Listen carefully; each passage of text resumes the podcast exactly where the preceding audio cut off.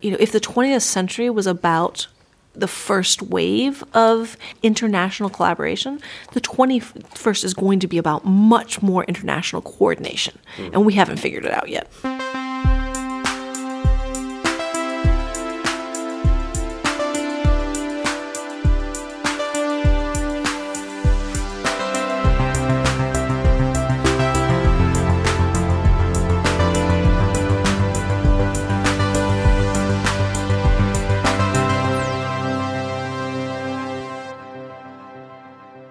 This Heja Framtiden, uh, Christian von Essen. I'm uh, recording from Internetdagarna from Internetstiftelsen, uh, the Internet Days um, in Stockholm. And I'm here with uh, danah boyd. Welcome to the show. Hmm, thanks for having me. You delivered a keynote speech earlier this morning. Well, first of all, you you, uh, you work as um, researcher at Microsoft Research Lab, and you run uh, something called Data and Society. Maybe you can elaborate a bit on, on that, on what you're actually doing. Right. So I'm a researcher. Um, I look like an academic, except that I'm really interested in making certain that the work and the research we do can be connected to what people are trying to do to make change. So it's really about getting our work and our ideas and our knowledge and our frameworks in the hands of people who can actually make a decision based on it. So, uh, you know, I have a large team at Data and Society and a team at Microsoft Research, and we try to shape you know technologies that are being built, policies that are being discussed, making certain that civil rights groups understand what's at stake so that they can um, argue and push for the things that are most important for them. Really working with um, uh, journalists and news organizations to think about their role within the ecosystem, etc. Hmm. You mentioned in your um, introduction that you growing up as a as a geek um, you had a lot of faith in uh, technology and how, for example, the internet would evolve. It seems like you're a bit uh, disappointed with where we are today. What what happened? Well, I don't think it's that I am disappointed. I don't think that I understood power. You know, when when we're sitting in a moment in the 1980s and 1990s, we were geeks, freaks, and queers, and we were outsiders the idea that we would build technology that everybody would use was laughable, right? The personal computer was just coming on radar. Um, you know, people thought this was all about business use. And our naivety was that if we could connect all of the people, they, it would be a big kumbaya experience. That has never been true. And that is part of the beauty and horror of youth, right? Is imagining that, you know, if we just have power, we'll solve all problems. So part of what you know I struggle with at this point is the idea that at the same time that I grew up, these technologies grew up, and these technologies are no longer the creation of you know folks in garages. They are now multinational corporations with economic agendas. They are now tools of power in every way, and because they're tools of power, they are shaped by those interests. Um, and sometimes those interests align with societal interests, and sometimes they don't. And so I think that we have to uh, really consider what it means to be a check to that power and to recognize that these tools um, require governance conversations. So it's not that I'm pessimistic. I think you can design technology to do amazing things. I also think that you can design it to do horrible things. And I think that you can exploit even the best designed systems. And so the responsibility that we now have is one to identify the vulnerabilities and do everything possible to patch them. Um, two, to hold accountable um, those who are building systems so that they're built with the best of intentions as possible. And three, to think about regulating places where they just can't be implemented um, ethically, responsibly, etc. And that's really about you know asking questions of power rather than just asking questions of technology. Hmm. Yeah, because you mentioned that we need uh, a systemic approach to, to tackling these issues, and uh, but how how would a solution look like? I mean, how can we unbias systems that immediately get biased? it's it's a very uh, chicken and egg situation. Well, so I think part of it is recognizing it's a vulnerability. Um, so one of the things you take from a security mindset is that there is never a secure system, but you still work towards security. There is never an unbiased system, but you work to identify those biases, to make them visible, to ask questions of them, to counter them. And the way that you do it is you set in motion what the values have to be. They have to be values that you're striving for, right? And those values, uh, you know, as, as something you're striving for, are imperfect, right? So think about this in another governance con- context. When we want to think about a self-governing democratic, you know, nation state, it's not that any nation state actually has a fully functioned democracy. They're all imperfect democracies. But that doesn't mean you're not constantly striving to make it better, right? To think about what it means to be, have a more informed citizenry, to think about how to get more stakeholder involvement, people voting, people participating in all of these different processes, right? And in the United States, we talk about that as towards a more perfect union, right? The idea that there is no perfect union, but you're always aiming towards a more perfect union. And that's where I feel about things like bias in these systems. It's like you have to start from a recognition this is biased and let's identify it and let's out it and let's work to slowly and systematically improve it. And that's how software developers work, also. I mean, iteration, emergence, etc. It's how software works, but again, it's about what are the metrics that you're evaluating towards. So, you know, in many of these envir- in many software environments, there are very defined you know key key performance indicators or other metrics that people are really aiming towards. Most software developers don't have the full picture of the system. They have their part of the system, and they're really hoping that their their part of the system interfaces well with the other part, and they build you know a variety of ways to meaningfully interface.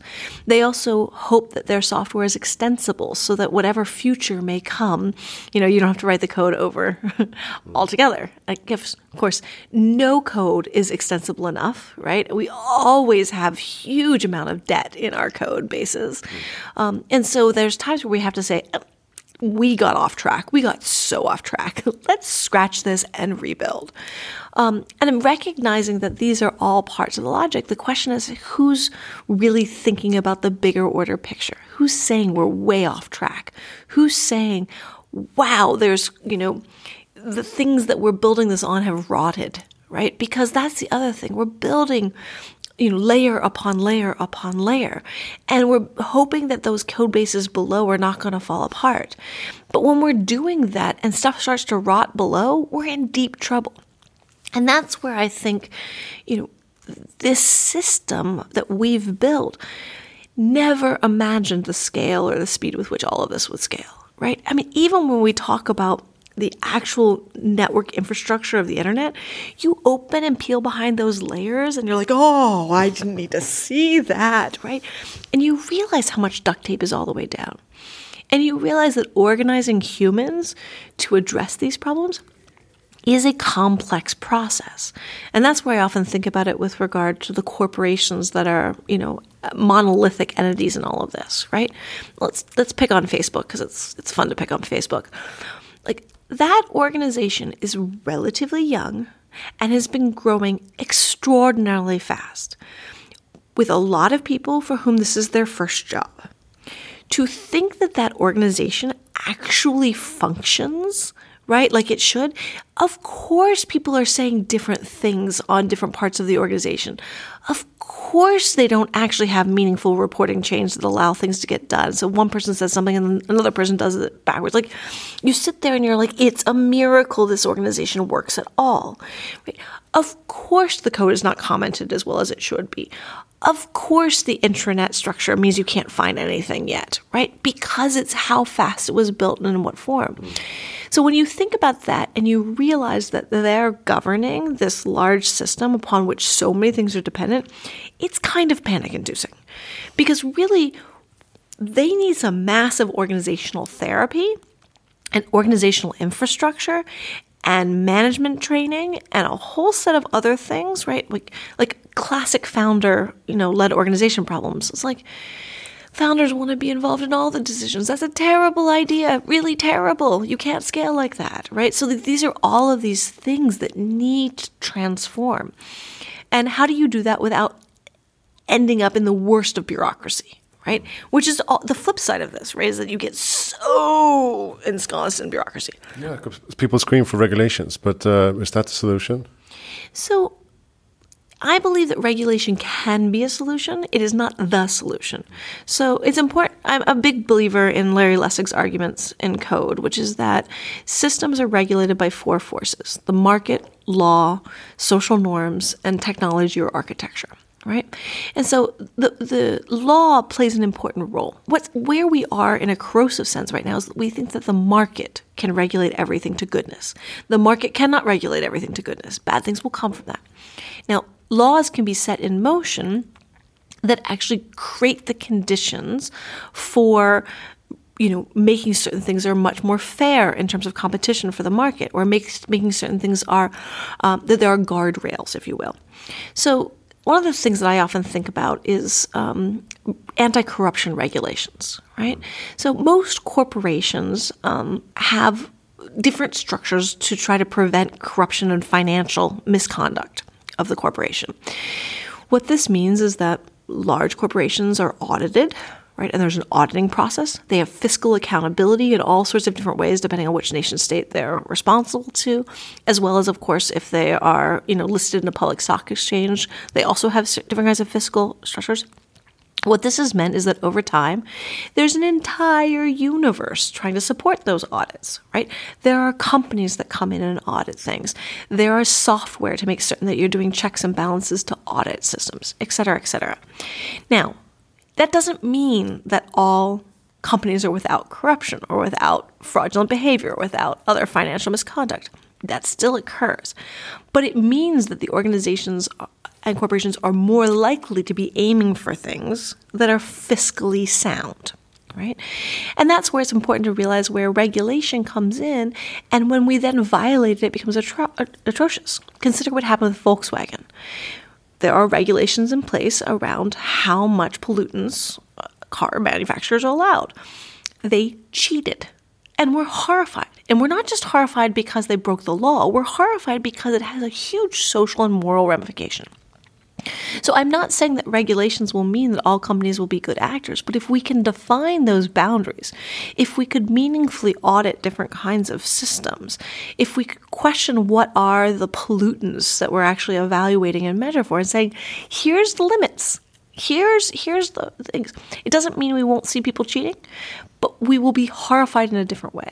It's also very complicated to set those boundaries or, or, rules or regulations, even if we talk about soft law. I mean, who who's to say that you should you shall not have uh, biased AI, biased algorithms? I mean, who's to say what's what's biased or not? I think this is precisely why it's a governance challenge, right? Because we can talk about those ideas within very local contexts, right? This is this is the values for our city. This is the values, maybe even for our country. But when we're dealing with it at a global level, it's far more complex. And that's exactly why we're running into these issues. And this is one of the reasons why I see people invoking the human rights uh, framework as a way of thinking about it, which is that where are the like absolute edges of that, right? Which is to say that, you know, we've following you know war, European wars, we've made a set of human rights commitments about even what are the boundaries of war, right? Which was unthinkable in the 1800s. Mm. But coming out of that, we said like, yes, there will be conflict, but we're still going to set in motion some boundaries. Is it always you know uh, listened to? No, of course not. Um, but that doesn't mean it doesn't. It's not a moment to try to aim for this. Do you, yeah. Do you think?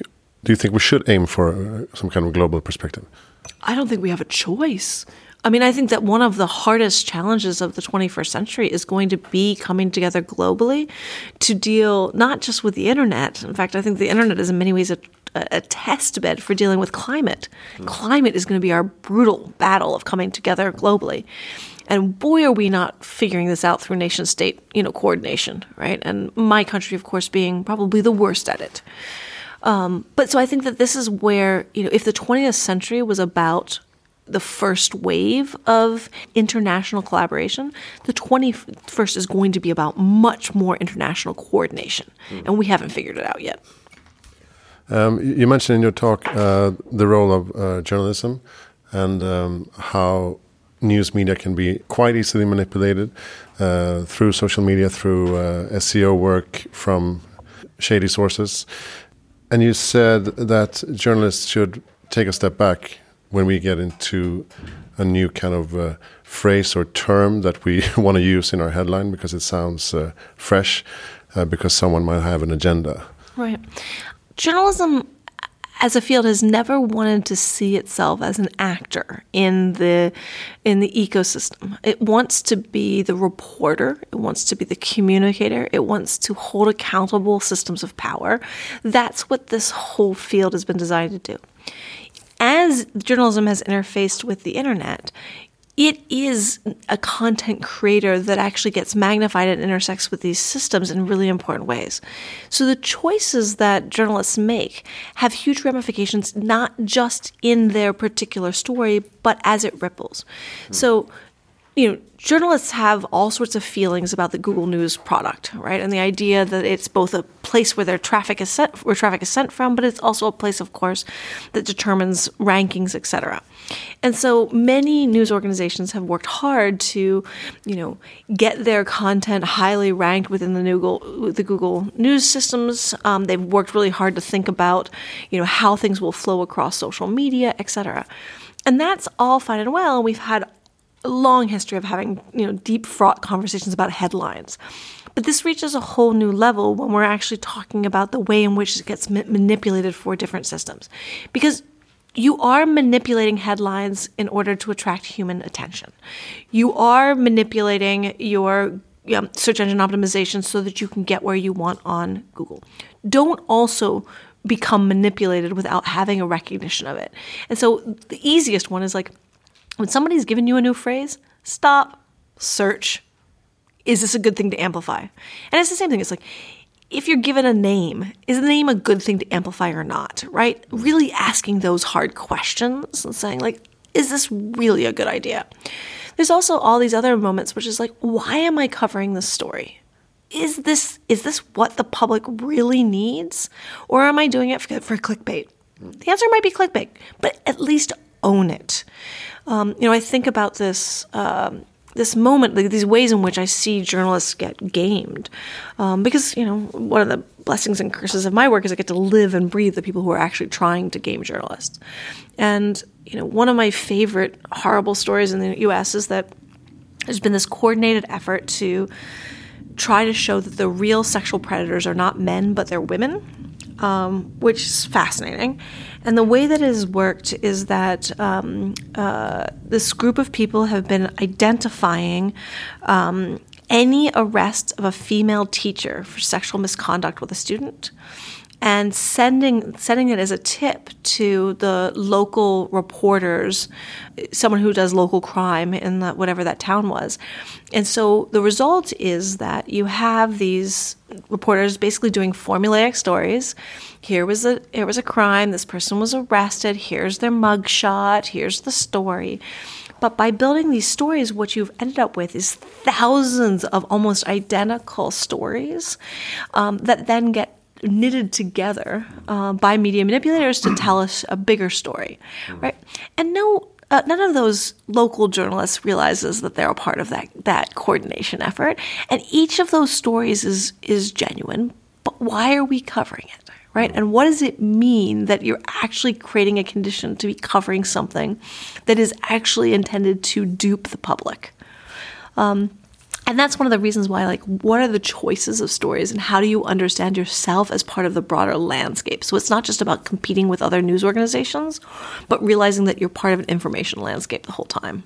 Yeah i mean in sweden we have the problem with um, that you know the social liberal utopia and and the second largest party is uh, far right uh, none of the strategies have worked you know silence them didn't work because they just grew stronger. Uh, talk to them didn't work because they got to say their opinions and uh, you know ripple effects either way.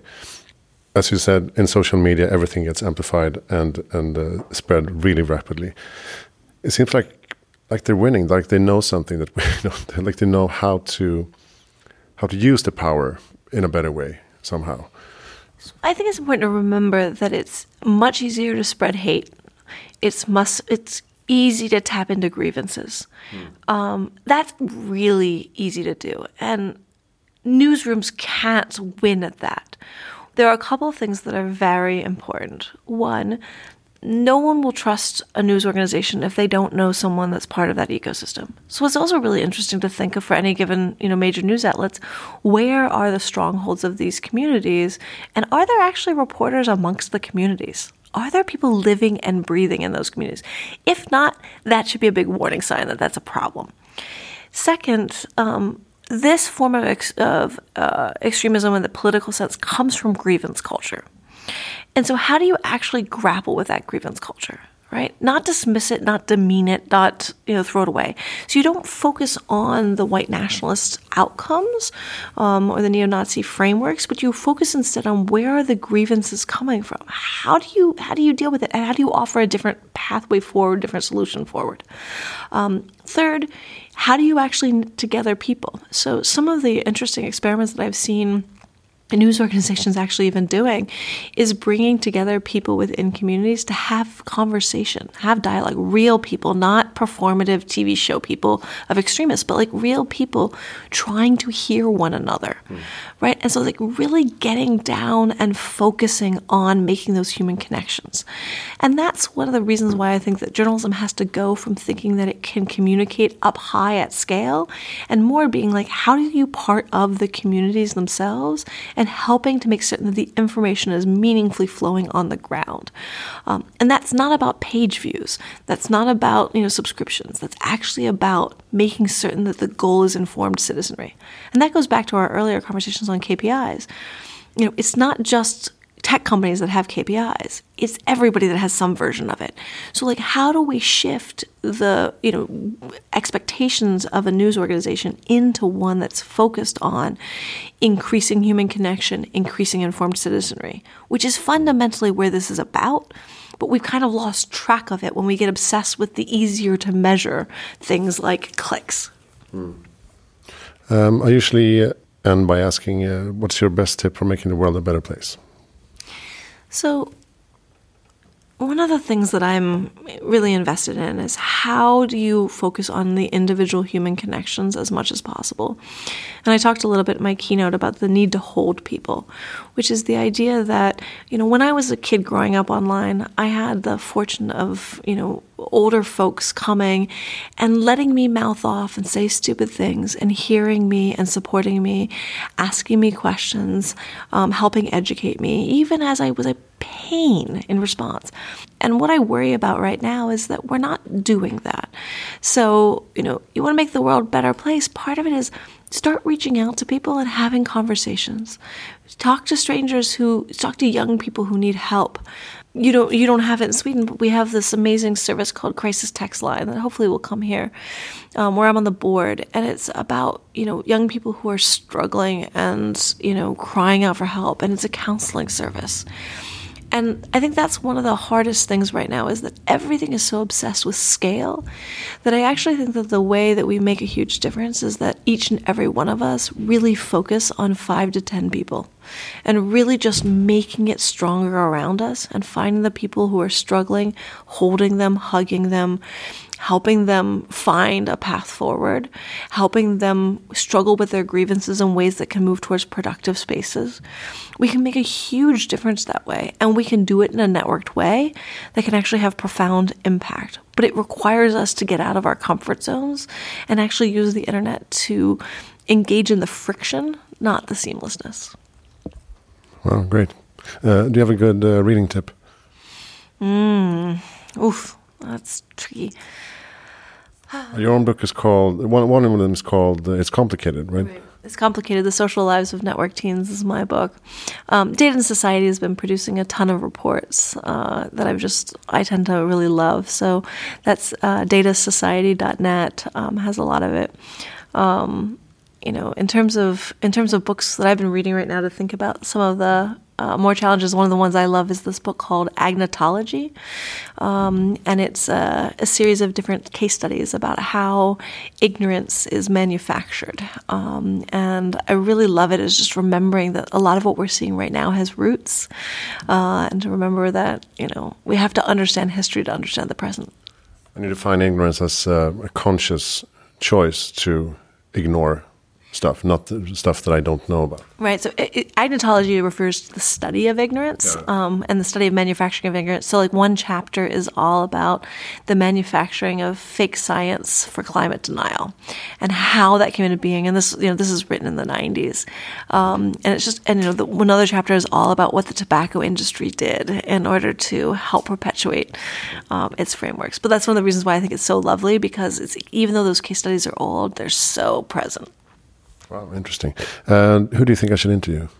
one of my friends, Anil Dash, has been doing this phenomenal work trying to figure out how you build um, uh, ethical uh, co- companies and startups. And he's been really struggling with uh, the role of venture capitalists. And so he's the um, CEO of Fo- Fog Creek Software and now Glitch. So he might be a fun one for you.